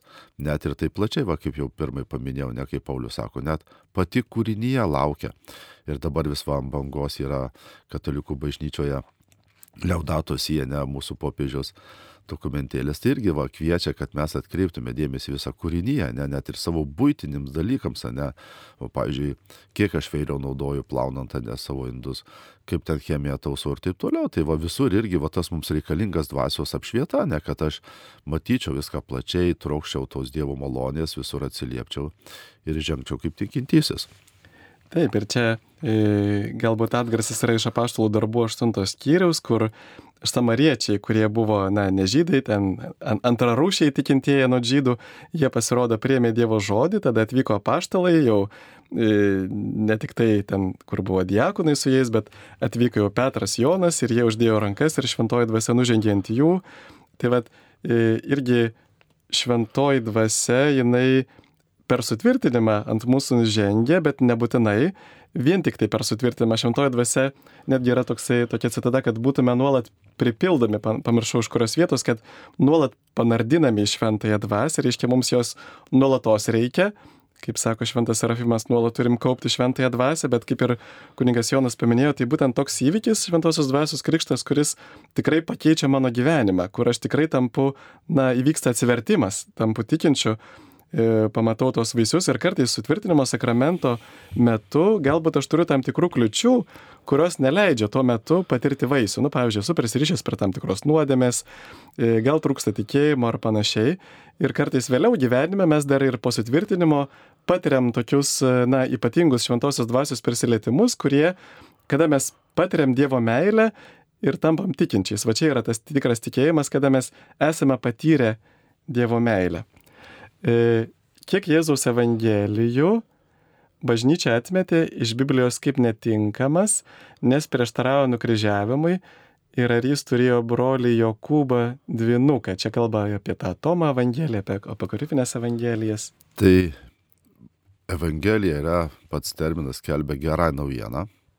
Ir jeigu jūs atsiverčia tavo testamentą, tai yra tik tai viena Evangelija ir jos yra parašytos pagal Matą, pagal Luką, pagal Morkų, pagal Joną. Tai, o čia paliko, mes, mes primam tą bažnyčios visą paveldą, nes jie ne, kai buvo tų visokių tų raštų dar rašyta, ne, ir tie vadinami, kurie palikti pokrifiniai, galima pasiskaityti, yra jau lietuvių kalboje, bet vis tiek šventoji dvasia veikia ir įvertina, ne, kiek, kiek, kiek to buvo įkvėpimo, ne, kiek žmogus iš savo ten kažkokios emocijos, ar ten iš kažkokio paskui jau gandų gal prirašė, ne, nes, pavyzdžiui, ten ir ta visa ir ten tuose kitose pakrifiniuose raštuose ir ten Marijos tas prasidėjimas, ten sauna ir jokimo, ne, ir dar daugiau ten. Tai nu tokių šiek tiek jau yra, tokių kažkas, kad va, ten žmonės blaivus su šventąją dvasia neištyrinėja, turėdami tą paveldą visą, jie užtvirtino, kad šitus raštus primam kaip Dievo žodį, o kitus raštus tiesiog paliekam kaip bažnyčios raštai, ne va kiek mes bažnyčios tėvų raštų turim. Ir jie irgi yra turtas, tai nebijokim ir tų paskaityti, bet kartu viskas eina Kristaus šviesoje. Ir, ir, ir Evangelija viena, o visa kita, kas mums padeda eiti pas Jėzų. Taip, ir čia dar svarbu irgi, va, kodėl bažnyčia jų nepriima į kanoną. Aišku, dėl kai kurių raštų tikrai vyko ginčiai, bet nedaug tokių buvo raštų, pavyzdžiui, Hermo ganytojas, arba tenais dar vienas kitas laiškas buvo.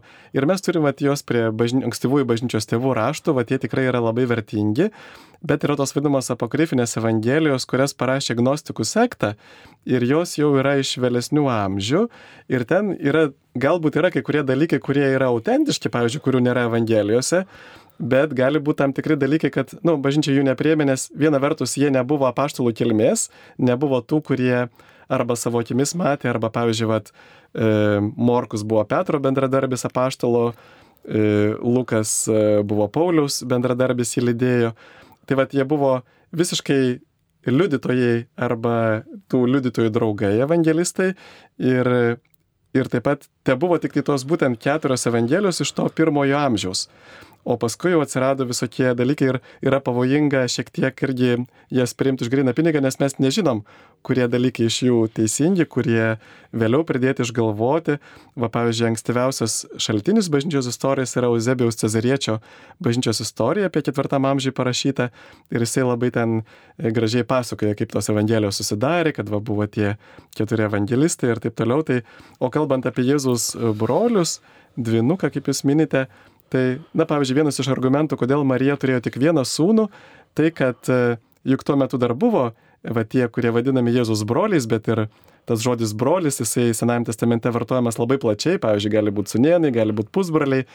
Tai greičiausiai yra tradicija ta, kad tas e, Jokūbas ir, e, pamiršau kitą vardą, kurie buvo vadinami Jėzus, Judas atrodo, vadinami Jėzus broliais, jie buvo tik tai greičiausiai kaip čia pasakyti, e, Marijos sesers e, vaikai ir Juozapo brolio vaikai. Štai jie galėjo būti.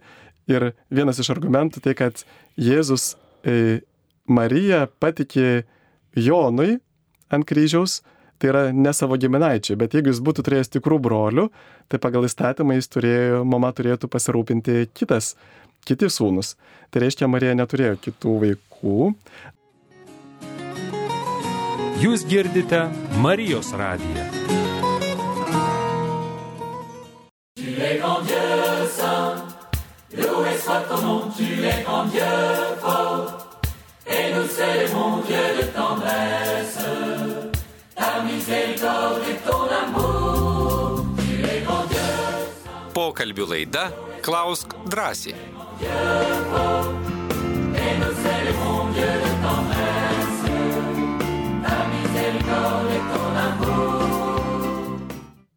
Sveiki, mėly Marijos radio klausytojai. Jūs vėl girdite laidą Klausk drąsiai. Prie mikrofono aš kuningas Įgytas Jurkštas. Mes taip pat e, kalbame su Kibarto Eucharistinio išganytojo parapijos klebonu Jon kunigu Jonu Cikana.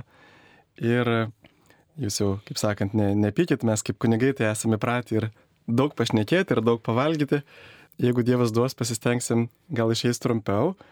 Taigi, YouTube galima klausyti arkangelų muzikos, kuri kaip teigiamai gydo ir teigiamai veikia, bet ar tai nėra hipnotezė, ar saugu klausytis tokios muzikos ir žiūrėti tuos vaizdus? Tai bet kada, bet ką neklausant, turit pasidomėti, ne, kas ją leidžia tą muziką ir ką jie nori tą muziką teikti. Tiesiog, jeigu tai tiesiog mane gražus akordai, kurie mus gerai nuteikia, ramina, tai kodėlgi negalima klausyti. Tik žinoma, kad muzikos istorija yra kitokio, ne, kurie nori išlovinti kažką. Pavyzdžiui, kaip šitoną, ne, nu tai tada, va ta muzika mus gali jau veikti neigiamai, o tokia gali teigiamai, jeigu teigiamai tvarkoj klausom, laiminam, šlovinam Dievą už muziką. Taip, tik tai svarbu turėti tokia irgi intencija, neturėti magiškos intencijos, kad va galvot, kad čia tam tikra muzika kažkaip magiškai mus turėtų veikti. Na, va, kitas klausimas. Šventam rašte rašoma, kad e, dulkė buvai, dulkė pavirs ir daug jau vietų yra, kur kalbama, kad vilsime dulkėmis. Kaip tada su šventųjų kūnais, kurie daug metų negenda, kodėl jie nevirsta dulkėmis? Tai šitą klausimą reikia užduoti viešpačiui vėl, kodėl jis nenori juos paversti dulkėmis. Jis nori duoti mums tokį kaip ženklą, ne, kad, va, kad laukiam nemirtingumo, tai, tai to kūno prisikėlimo, bet žinome, kad kelsis ne, ne šitos dulkės ne šitie kūnai. Ir Paulius tai aiškiai rašo, ne, ir Petras, ne, kad gendamybė turi silpnę gendamybę, ir pats Jėzus prisikėlęs jį ir čiupinėja, ne, ir žaizdas apžiūri, bet jis gali išeiti durų neatsidaręs. Tai jau ta visa ne fizika, mūsų visai reiks per naują mokytis ir fizikos, ir visų kitų dalykų. Tai tiesiog šlovinam viešpatį už tai ir vėl. Taip, ačiū. Jeigu giliai tikintysis e, staiga nuo, staigiai nuo lygos miršta, o ateistas sėkmingai gyvena prabangoje, galima sutikti, kad tai jo noras. Ai, Tu čia pirmai panašų tokį klausėte. E, nu, vėl žiūrėkit, man, mano norai yra mano norai, Dievo norai yra Dievo norai. Mes negalim Dievui sakinėti, jeigu Dievas taip norėjo, taip norėjo, priimam. Džiaugiamės, šlovinam viešpatį. Pa, pa, pavyzdžiui, galit pasimti tuos septynis jaunuolius, e, kur bak, bak, bak, bakut net zaras, ne, e, ten juos metai tą krosnį. Ir tada sako, nu, va, pagarbinkit mano statulą, tada būsit išgelbėti. O tie jaunikaičiai ką atsako? Karaliau, sako, jeigu Dievas, tik Dievas mus gali išgelbėti, jeigu jis norės, jis išgelbėti. Bet jeigu jis nenorės gelbėti, mes vis tiek jo neatsisakom ir išlovinam. Viskas paprasta atsakyta. Taip, ir, ir e, turbūt yra Dievo gailestingumas, kad e, šventieji jie greičiau gali įžengti į dangų ir gerėtis amžiną laimę, nes vėlgi čia mes džiaugiamės ne tik tai šio gyvenimo prabangą, bet da- dar daugiau amžinąją laimę, kad Dievas paruošė, o tie nusidėliai, jie, kad ilgiau gyvena, turi ilgiau laiko atsiversti. Taip, toliau, e, kokiu būdu įtikinti giminaičius, kad mūsų tikėjimas pats teisingiausias, Dievas galingiausias ir kodėl jis nesudarė galimybės jį pažinti. Tai va, evangelizacijoje nėra jokio kito būdo kaip meilės būdas. Jeigu jūs taip mylėsit, kad sakys, nu žinai, tu man papasako, koks tau Dievas tai padeda mylėti. Viskas, pingo. Taip, šimtų procentų pritariu, taip. E, Kokių domenų mes turime, kad mūsų tikėjimas pats teisingiausias ir kaip bus nubausti tie, kurie buvo priversti priimti kitą tikėjimą. Ir vėl iš savo asmeninės patirties, ne mes turim ieškoti, aš, pavyzdžiui, ne kiek ir skaitau, nežvalgausi ir kitus tikėjimus, vis tiek reikia ne šiek tiek žinoti, ten istorijas ir taip toliau. Tai aš matau, kad krikščionybė turi tą pilnatvę ir tiesą. Ir, ir, ir, ir, ir man jos reikia. Tai o jeigu kažkuris tikėjimas kažką gali kitur tau duoda, tau geriau į tą santykį su Dievu ir pataiko dar teisingai santykį su Dievu, tai prašom, Dievas tarsi kaip ir davė tau tą laisvę. Taip, ir čia aišku, mes turime tų ir, ir objektyvų, bet ir ta šventoji dvasia mus įtikina, jeigu mes tengiamės ypatingai dorai gyventi, bet jeigu mūsų gyvenime prisirašam prie nuodėmės, tuomet šventai dvasiai tai sudaro kliūtis veikti ir mus vesti į tiesą. Bet kartu ir objektyvių dalykų ir turbūt svarbiausia iš jų tradiciškai yra stebuklai ir pranašystės išsipildžiusios. Į- Va tai dar minutėlę užbaigsiu, tai kad e, ypatingai, pavyzdžiui, mergelės Marijos apsiriškimai turbūt atsako į visus tris apologetinius klausimus, kad ar tikrai Dievas yra, ar, dievas, ar Jėzus Kristus yra Dievas ir ar, ar katalikų bažnyčia yra Dievo norėta. Tai mergelės Marijos apsiriškimuose mes galim tą patirti ir jos lydi gausus ant gamtiniai ženklai, taip pat įsipildžios pranašystės tiek Jėzaus gyvenime, tiek, pavyzdžiui, kad ir Marijos, pavyzdžiui, apsiriškimo metu įsipildžios pranašystės. Jėzaus prisikėlimo tikrai argumentai yra, kuriuos mes galime objektyviai pažinti. Pavyzdžiui, klinikinės mirties patirtis, kad žmonės tikrai mato, kad egzistuoja ir siela, ir jų mirė giminaičiai. Reiškia, kad jie ne, nepersikūnėjo kažkur kitur, bet liko danguje ir kad, pavyzdžiui, vaikai vad sutinka danguje Jėzų ir labai įdomu, kad e, va, visi jie nurodo į tą patį paveikslą, kurį tapė Akienė Kramerik, kuri turėjo Jėzus viziją, sak, sako, va, Jėzus buvo toks. Ir va, tie vaikai, kurie turėjo klinikinės mirties patirtis, va, parodo į tokią nuotrauką. Taigi yra tų ženklų, tikrai jų yra ir apologetikos mokslas ypatingai apie tai kalba. Tai prašom, turime skambutį. Aldona iš Kauno. Prašom, kalbėkite, klauskite. Garbėzui Kristai, galiu klausti. Taip. Galiu klausti, aš noriu paklausti tokį klausimą. Taip jau aš jį ruošiuosi nuo perėtų metų, bet vis nedrįstu, bet išgirdau kalbant kunigą vieną e, per, per, Marijos radiją, per pamokslą, kaip jis pasakė, kad sako, dabar nežinom nei už ką melžiamės, nei kaip melžiamės teisingai. Tai buvo spalis, lapkritis, perėtų metų ir eina iki dabar. Kaip tas ražančius kalbamas, ražančius, ražančius man kalba kertas. Ražančius tai yra kalbamas, nu, nuo, nuo seniai, 111 metų turiu maldaknygę ir aš žiūrėjau. Trys dalys, penkios paslaptys, tik ten būdavo po vieną paslaptį. Dabar yra maldaknygė 82 metų, kur yra ten taip trys dalys. A, B, C, D paslaptys. Nu gražiai kalbamas dabar kaip kalba. Ką kalba, kaip kalba. Tikrai gerai tas kunigas sakė, sako, nedarykim tokių dalykų. Yra ketvirta dalis išleista. Ten yra turbūt popiežiaus Pauliaus, aš kiek žinau, ta dalis. Ten dabar kalba belė ką, ta ketvirta dalis pasako ir eina per visas tas dalis. Taip, ačiū, supratome jūsų klausimą, dėkui. Tai, žiūrėkit, rožinio malda sudaryta, kad jinai turi slėpinius, o ne paslaptis. Ir yra džiaugsmo, šviesos, kančios, garbės slėpiniai. Ir jie visi pagristi, žiūrėkit, tie mąstymai iš Kristaus gyvenimo. Ir tada galima tik tai trumpai sakinukų pasisakyti, net ten, pavyzdžiui, va, Marija aplankė viešpatės anglas ir viskas. Bet galima prasiplėsti ir pasiskaityti iš švento rašto vietų, kur tai sako vienu sakiniu, dviem sakiniais, trim. Dar galima kokio šventų mąstymai tai jungti. Tai už tai tai yra, tai mums praplečia tą maldą, aišku, ją prailgina, bet mums padeda įsigilinti į tuos.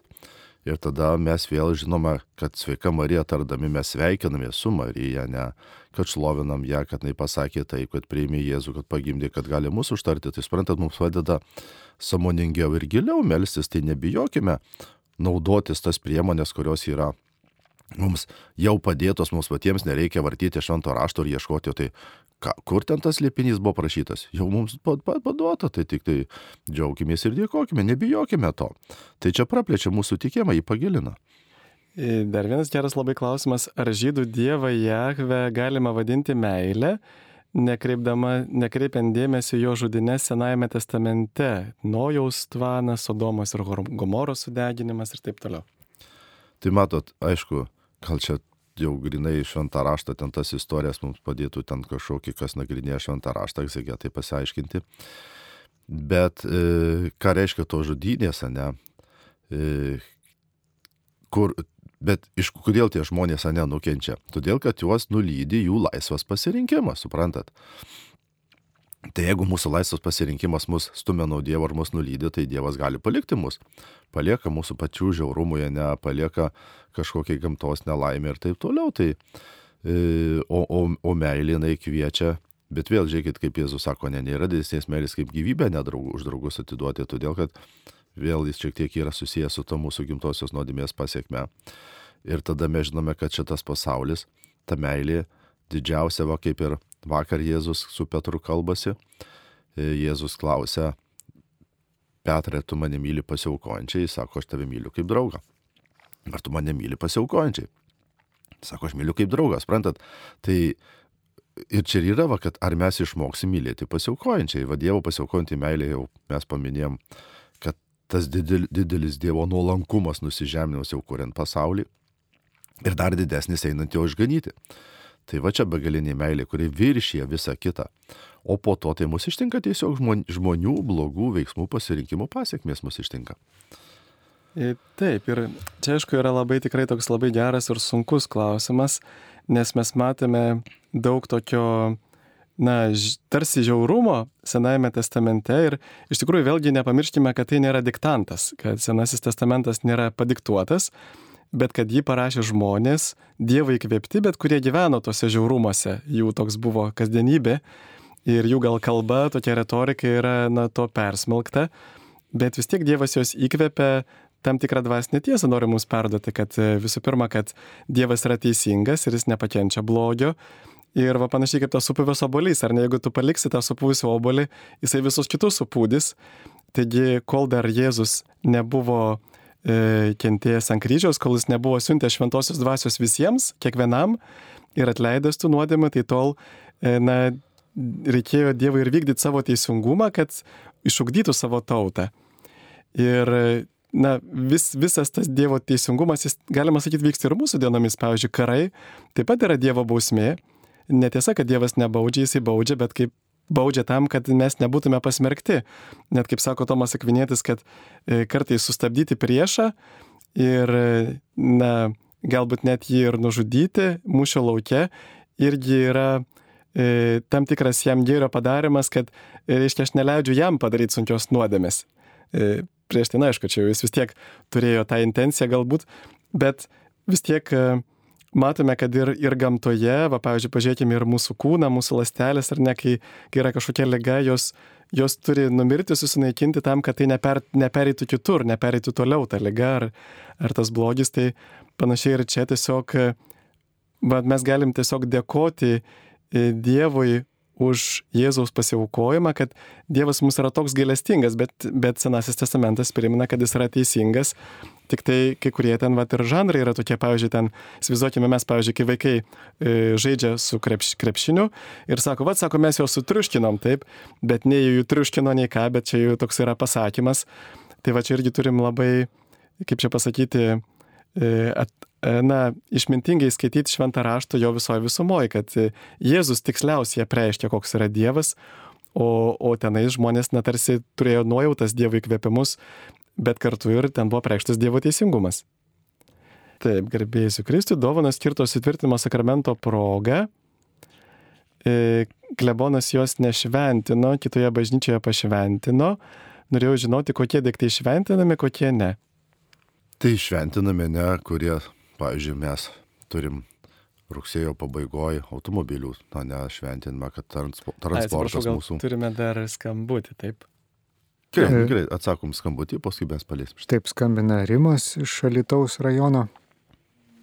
Taip klausom, Rimai. Dėsiu Kristui. Per amžius. O čia Rimas iš Rumbonių parapijos. Norėčiau paklausti, čia gegužės mėnesį e, katalikiškam kalendoriui, e, vienu žodžiu, aprašyta e, Daumantas e, Timotiejus Skoviškis, tai yra, tai yra lietuvis, kuris žudė karalių Mindaugą, kuris 1051 metais pasikrikštijo, o e, 1253 metais šventasis sostas jį karūnavo karaliumi. Jis yra pirmas lietuvis, kuris nužudytas dėl tikėjimo, o slavai jį papirko, kad nužudytų, kad krikščionybė neplistų į rytus. Nu, o tas Daumantas pabėgo pas slavus ir jis buvo paskelbtas šventuoju. Tai toks yra klausimas. O karalius Mindaugas tai irgi turėtų būti šventasis, nes jis už krikščionybę numirė. Ir antras klausimas, nu, e, kaip a, aš man teko girdėti, kad ten nėra karaliaus Mindaugo karūnavimo karaliumi iš šventam sostinės dokumentų, ar negalima remtis e, karaliaus Mindaugo populiarumu e, lietuvių tarpe, nu ir ne tik lietuvių tarpe, kad jis būtų paskelbtas šventuoju ar palaimintuoju. Taip, ačiū, supratom. Va, labai šaunus jūsų klausimas. Aišku, čia reikia daug padirbėti istorikam, bet jeigu jūs turit laiko, turit galimybės prieiti prie šitų istorinių dokumentų, kodėlgi ne, galite surinkti pirminius dokumentus, kad būtų galima pradėti. Pavyzdžiui, jeigu tikrai įrodyta, kad ne dėl sosto, ne dėl tikėjimo buvo Mindaugas nužudytas, tai tikėjimo kankinys ir galima pradėti bylą. Visai gera, gera idėja, mes turėtume dar vieną tokį iš mūsų iškilnių žmonių, kaip Šventą Kazimierą, šventąją neglobėją, ar net tada žiūrėkit, kas turi Mindaugo vardus, jau ta, turėtume Mindaugą šventą globėją. Tai tiesiog galimybė pradėti bylą. Jeigu jūs matot, kad tai yra, tai surinkit tų dokumentėlių, tokių jau tikrai istorinių faktų ir tada į priekį. Aišku, dar kad žmogus paskelbtas būtų šventoje neužtenka, kad numirtų už tikėjimą, bet reikia, kad ir turėtų gyvenime didvyriškų tikėjimo darybių praktikavimo. Tai va čia irgi dar klausimas. Taip. Dabar kitas, jau mes tada pradėsim apie sutvirtinimo progą, kokias dovanas šventina. A, nu tai va, žiūrėkit, yra dalykų, kurie šventinami ir iš tikrųjų, kurie nešventinami. Jeigu jūs ten, pavyzdžiui, paimėt grandinėlę, ten kartais būna net koks zodieko ženklas, ne, ženkliukas nupieštas, nu tai tokio tikrai jau nešventinį. Ar ten vardukas tik parašytas. Nu tai kaip šventinti, ne veik tik tą. Šiaip, ką mes nešiojame, ne papuošalus, ne, tai mes šventinam, kurie turi krikščionišką simboliką. Pavyzdžiui, žiedus, kodėl šventam, todėl kad jie irgi yra krikščioniška simbolika, tai rodo vyro ir moters, ne, žiedų pasikeitimas sąjunga. Tai, o visa kita, ne va tie, pavyzdžiui, kaip namai automobiliai, tai irgi yra šventimi, ar ten kažkokie pastatai, tai kurie mums tarnauja, nesiekti gėrio. Ir tada klausimas, va tas, tas daikčiukas, ta dovanėlė, jeigu jinai neturi religinės prasmės, kaip jinai padės siekti gėrio. Suprantat? Pareiginės prasmės, ne, tai tu gali kreipti žvilgsnį, tave maldingumą gali, net ten šauktis globos, dar kažką gali iššaukti, tada va, yra šventima, tai va tada reikia klausyti, žinot, kartais būna, kad kunigai irgi, ai, nu tai gerai, belia ką čia atsinešė, aš pašventysiu, ne, o gal ten dar, žinai, kažkokį, va, kaip čia ta moteris sakė, gal ten prakeiksmą kažkokį jūs rašė, nes, pavyzdžiui, aš kartais jaunuoliams sakau, nu tu paskaityk, kas ant tavo bliuskutės parašyta, ne, aš neskaitau, nu tai paskaitykit, tada žiūri, žinot, o, kiek visokių, žinot, ten žodžių, visko prirašyta net prieš tikėjimą ar taip toliau, tai, o kartais mes nešiojame ir net galvom tokių papšventyti, tai va gal nuo to priklauso, kas ten buvo, žinot, nepaaiškinot, neparodyti ir tada, žinot, tada sako, ne, ne, ne. O jeigu tai yra reikalinga dalykai, tai tikrai galima pašventyti ir gal tik kažkoks nesusipratimas įvyko. O jeigu jau kažkas prasilenkia, tai tada jau nešventinama.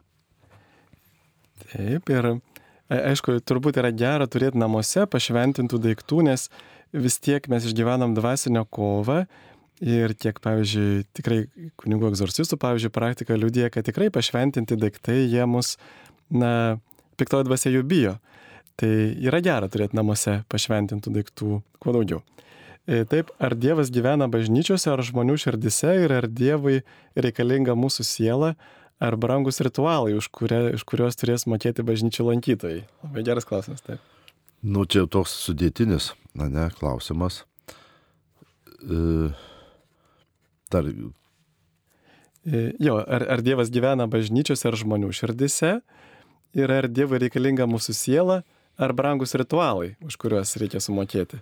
Taip, tai žiūrėkit, bažnyčia, ne, mes turim bažnyčią dviejų iš dviejų raidžių rašoma. Bažnyčia iš didžiosios raidės, kas yra bendruomenė, kaip mistinis Kristaus kūnas, galva Kristus gyvena. A, toje bažnyčioje kaip pastatas, ne kur mes susirinkam šlovinti Dievą, tai jis gali gyventi ne paliktas tabernakulyje, suprantate, ten va, švenčiausiame sakramente. Na, galime dar atsiliepti į skambutį. Elena iš Panevežio. Prašom, Elena, klausom. Garbė Kristui. Per amžius. Aš noriu paklausyti apie rožantėlio kalbėjimo vertę. Uh, vienu žodžiu, naudą, ar kaip pasakyti, mano mamytė amžinatelis jau 18 metų, kaip mirė ir mirė, mirė 95 metus turėdama. Jinai visą dieną kalbėdavo išskyrus nu, būtinus reikalus, ten pavalgyti, ten į tualetą nueiti ar panašiai. Ištisai kalbėdavo rotančius. Bet jinai nežinojo nei dalių, nei paslapčių. Aš ir suračius buvau ir viskas. Tai jinai sakydavo man vaikelį. Aš sako vis tiek neįsimenu ir viskas. Jinai pradeda nuo pradžios ir pabaigia vėl. Dėl nu, paskutinę paslaptį, bet tai vienodai rodydavo tos paslaptis ar pirma dalis, ar, ar gal dar tada ir ne antros šviesos, net nebeprisimenu, gal jau buvo. Ir, ir visas tas vienodai kalbėdavo be jokių įvardymų. Ar tai jos malda buvo verta, ar... ar Ačiū už klausimą. Taip. Tai aišku, kad verta, žiūrėkit, ir mažo vaiko labai paprasta maldelė, ten kelių žodžių verta ir lygiai kaip mes senatvėje irgi šiek tiek, kaip sakant, grįžtam į tokią vaikystę, ne, prarandam atmintį, nesugebam vaikščioti, patys savim pasirūpinti, bet va kiek turime tos jėgos, ar nesąmonį, supratimo ir melžymės, tai malda visa gera. Vien užtektų, kad jeigu tik žmogus, žiūrėkit, malda tai yra mano širdies pakelimas į Dievą, ne? Tai jeigu ten mes aš galiu vienu žodeliu savo kelti, ne? Jėzau, Jėzau ir viskas, ir užtenka, tai, o jeigu dar su Marija pasisveikina ir ten palydė dar vieną kitą paslaptį, tai viskas gerai. Ir reiškia, viskas atsižvelgiama į žmogaus stovį, tai mes melžiamės tiek, kiek pajėgiam. Vienas tai pajėgia, ne kitas ten gali vienuolynę 8 valandas prasimelsti per dieną, o kitas tiek negali, tai suprantat, va, pagal savo situacijas melžiamės ir viskas gerai, tvarkoja. Šaunuolį jūsų mama, dėkojom, kad meldėsi. Taip, tik aišku, vat, vienas dalykas, kai yra ligonis žmogus ar senas, bet va, Liudvigas Monfortėtis yra sakęs, kad rožinio malda be slėpinių mąstymų yra kaip kūnas be sielos. Tai va čia irgi labai svarbu, kad tie slėpiniai mums padėtų labiau susivienyti su Jėzumi, juo sekti. Tai vis dėlto slėpinių mąstymas, jeigu mes nesam ligoniai ir seneliai, e, turbūt būtų svarbu gerai apmastyti slėpinius su šventu raštu. Va dar pratęsant apie tą klausimą, dar noriu pridėti, ar Dievas gyvena bažnyčiose ar žmonių širdise. Tai Bet labai gerai, kunigas pradėjo apie tą bažnyčią iš didžiosios, iš mažosios raidės, bet turbūt matot, kai yra piknaudžiavimas iš kunigų pusės, e, tai nereiškia, kad e, reikėtų išmesti visą tai, ką pats Dievas norėjo, nes iš tikrųjų pats Jėzus, pat ir per Euharistijos stebuklus rodo, kad jis tikrai yra švenčiausiam sakramente, kad jam tikrai svarbi ir ta institucinė bažnyčia, ir ta bend, kaip bendruomenė, bet jeigu kunigai piknaudžiauja kartais tais vat, pinigais, prašo iš jų, tai tai nereiškia, kad e, apskritai aukojimas bažnyčiai yra blogas, nes matom ir Senajame testamente irgi Dievas irgi liepia išlaikyti savo bažnyčią, aukoti. Taigi čia tiesiog reikėtų, e, sutikus godų kunigą, reikėtų jam neduoti pinigų, bet tada geriau paukoti gal kitur. Aišku, viskas remiasi, va jeigu domėjotės, kai buvo popiežiaus paskelbta pradžia, ne ar po parapijos buvo sinodinio kelio tos temos mūsų įėjimas, Tai jos vedė mus į tokią pagrindinę tiesą labai įdomią tikinčiuosius. Į samoningumą ir atsakomybę. Tai va čia ir yra, ten buvo pabrėžiama krikščionio branda, ne, tai mes turime aukti krikščionys brandus, tiek kunigai, tiek viskupai ir tiek tikintieji, tai va tas visas mūsų mistinio kūno bendras augimas. O Dievas yra širdie, žinot, bet kaip, kaip ir ne, Jokūbas savo laiškė rašo, ne, nu tai gerai, jeigu turi Dievą širdyje, bet tavo darbai to nerodo, tai klausimas, ar iš tikrųjų tada turi Dievą širdyje. Tai va tas visiškas bendras branda, branda tai reiškia tu viskas turėti drauge, ne? Aš einu kaip asmen, asmuo, bet kartu einu kaip bendruomenės narys, suprantate, ta atsakomybė. Ir mes matytume, pavyzdžiui, iš to, kaip mes švenčiame kaip bendruomenė, tai brandos dar mums reikia. Taip, ačiū. Dar jei pasaulyje beveik milijardas katalikų, o kiti, kitų religijų atstovai, kaip suprasti, ar mes einam teisingų kelių? Tai irgi žiūrėkite, ne, e, daug ką reikia palikti šventai dvasiai, Dievui, ne. Aišku, Dievas nori to troškimo, turi ir sūnų siunčia ir sako, kad jo tikėjimas turi išplisti iki pat žemės pakraščių.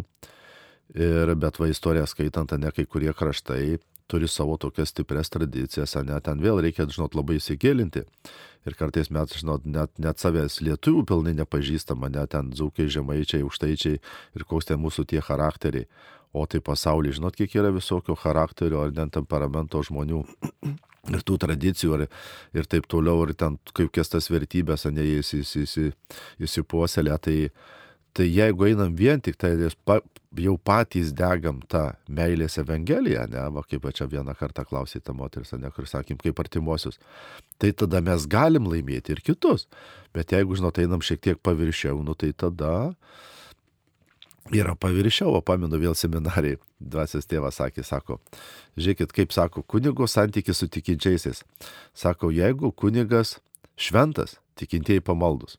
Jeigu kunigas pamaldus, tikintieji tik tikintys. Jeigu kunigas tik tikintys, tikintieji jau netikintys. Suprantat, visų laipsnių žemiau. Tai, nu, čia toks pavyzdėlis, net kad kaip ir pasaulį mums padaryti ne va tuo tikinčiuoju, tai viskas mūsų rankose. Suprantat, va kaip aš čia sugebu nešti tikėjimą, perduoti, tą uždegti Kristaus meilę, tada va viskas vyksta. O jeigu tuo nesirūpinu, neinu paviršimi, nu, tai rezultatai kokie matom. Taip, ir jeigu kalbant apie pasaulio religijas, vis tiek daugiausia žmonių yra krikščionis, apie trečdalį, paskui musulmonų yra apie ketvirtadalį, nes, nu, krikščionis ne tik katalikai, dar tiek pat yra e, krikščionių iš kitų konfesijų. Ir taip pat e, paskui eina hinduistai ir paskui jau labai panedaug kitų religijų. O hinduizmas vis tiek labiau toksai kultūrinis dalykas, e, ne tik religinis ir jisai apsiriboja vien tik tai Indija. Tai jeigu šiaip pažiūrėtume, tai turbūt yra didžiausios religijos yra krikščionybė ir islamas. Ir e, vis dėlto krikščionybė yra pirmoji vietoje pagal gausumą pakrikštytųjų, bet vėlgi dauguma nebūtinai yra teisė ir šventas raštas kalba būtent apie malonės išrinktą likutį kad buvo labai nedaug žmonių, kurie iš tikrųjų gyvena kaip Dievui patinka. Ir mes irgi matome, kad e, jeigu kalbant apie žmonių moralę, tikrai suprantam, kad dauguma žmonių negyvena moraliai mūsų gyvenime. Taigi, e, jo, ar mes einam teisingų kelių, vėlgi, na, turim vilties, kad jo yra ir ta skaistikla, kad ne tik tai dangus ir pragaras, kad e, štai ten bus ta pilka masė toje skaistykloje, reikia tikėtis, kad mes tiesiai į dangų nueisime jeigu stengsimės gyventi pagal jo valią. Ir visgi e, Dievas turbūt ir kitas religijas yra e, ir jų viešpats, ir kitų religijų viešpats, kad galėtų mums va, padėti priimti jo sūnų, kad, na, tai yra mums nesuvokiami Dievo planai, bet krikščionis neturėtų netkinti kitų religijų. Kokiu domenų turime, kad mūsų ačiū buvo? Taip, kaip surasti stiprybės ir išminties ištaisyti gyvenimo klaidą padarius per nežinojimą? Tai vis tiek pirmiausia klaida turi būti, kad taisoma pripažinta. Tada atpažinti ne nuo ko aš suklydau, nu va, nežinojau, kodėl nežinojau, ne ar apsileidimas ar dar kažkas. Va ir po to, kiek įmanoma, tiek taisom, aišku, išlieka padariniai, bet jeigu va, kas priklauso nuo, man, nuo mūsų, ne, mes galim patys to nekartoti, kur reikia eiti atsiprašyti, ne žalą atitaisyti.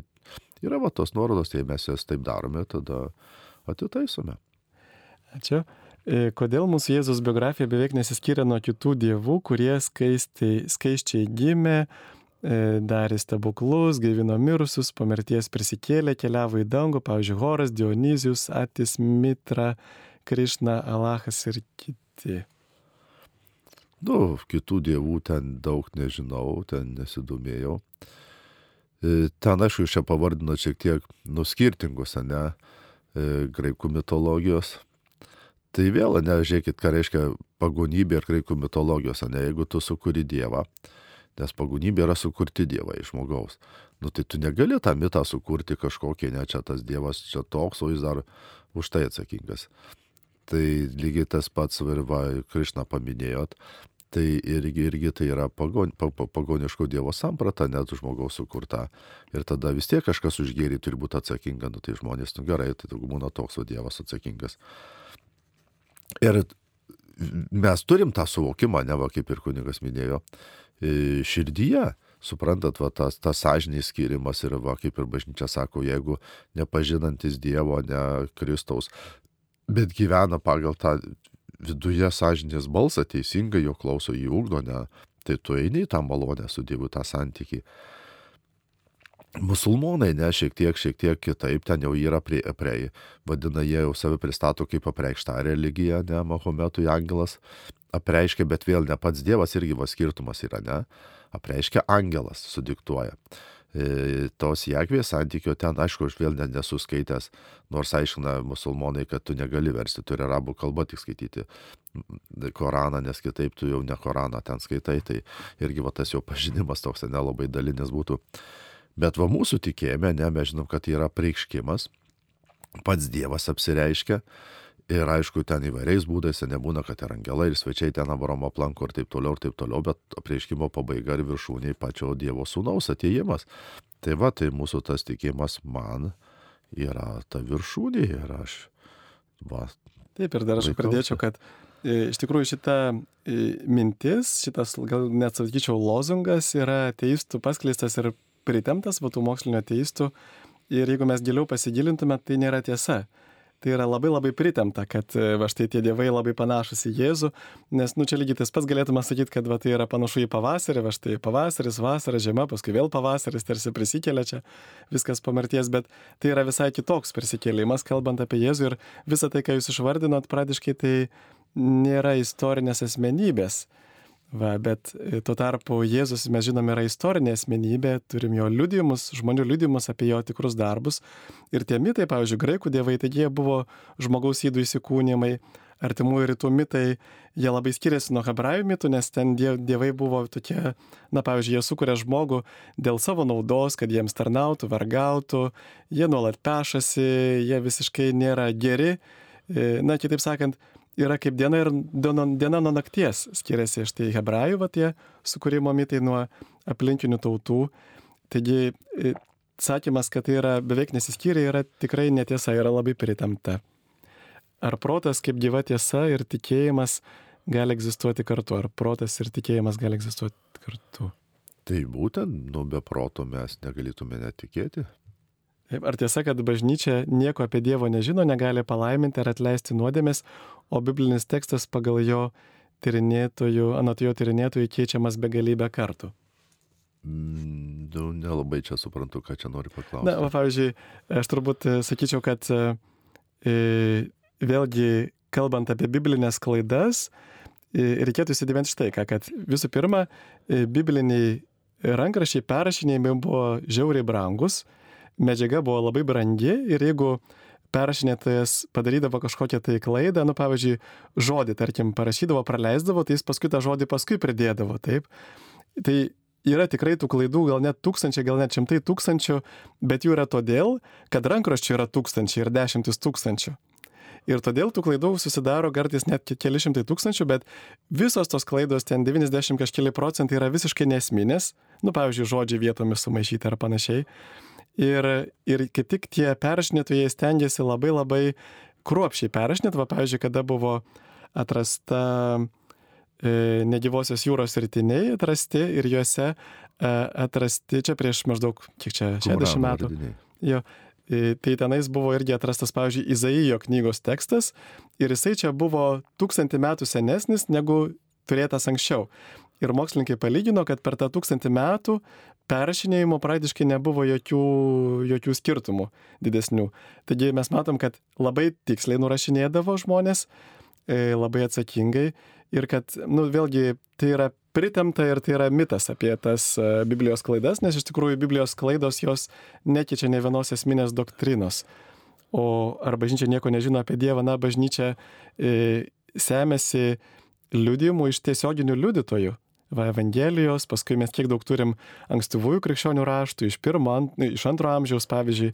Taigi tai yra žmonių istoriniai liudijimai. Ir žinot, žinoti Dievo esmę tai būtų lygų Dievui. Tai va tai mes žinom tiek, kiek mums leista žinoti, ne kiek ats- atskleista, kiek apreikšta, tiek mes žinome, ne, ir mums užtenka, kad Dievas meilė, Dievas gailestingas ir ten va tuos visus, ne, kad jis apie visą pirminį priežastis ir taip toliau, tai mums to užtenka. Taip.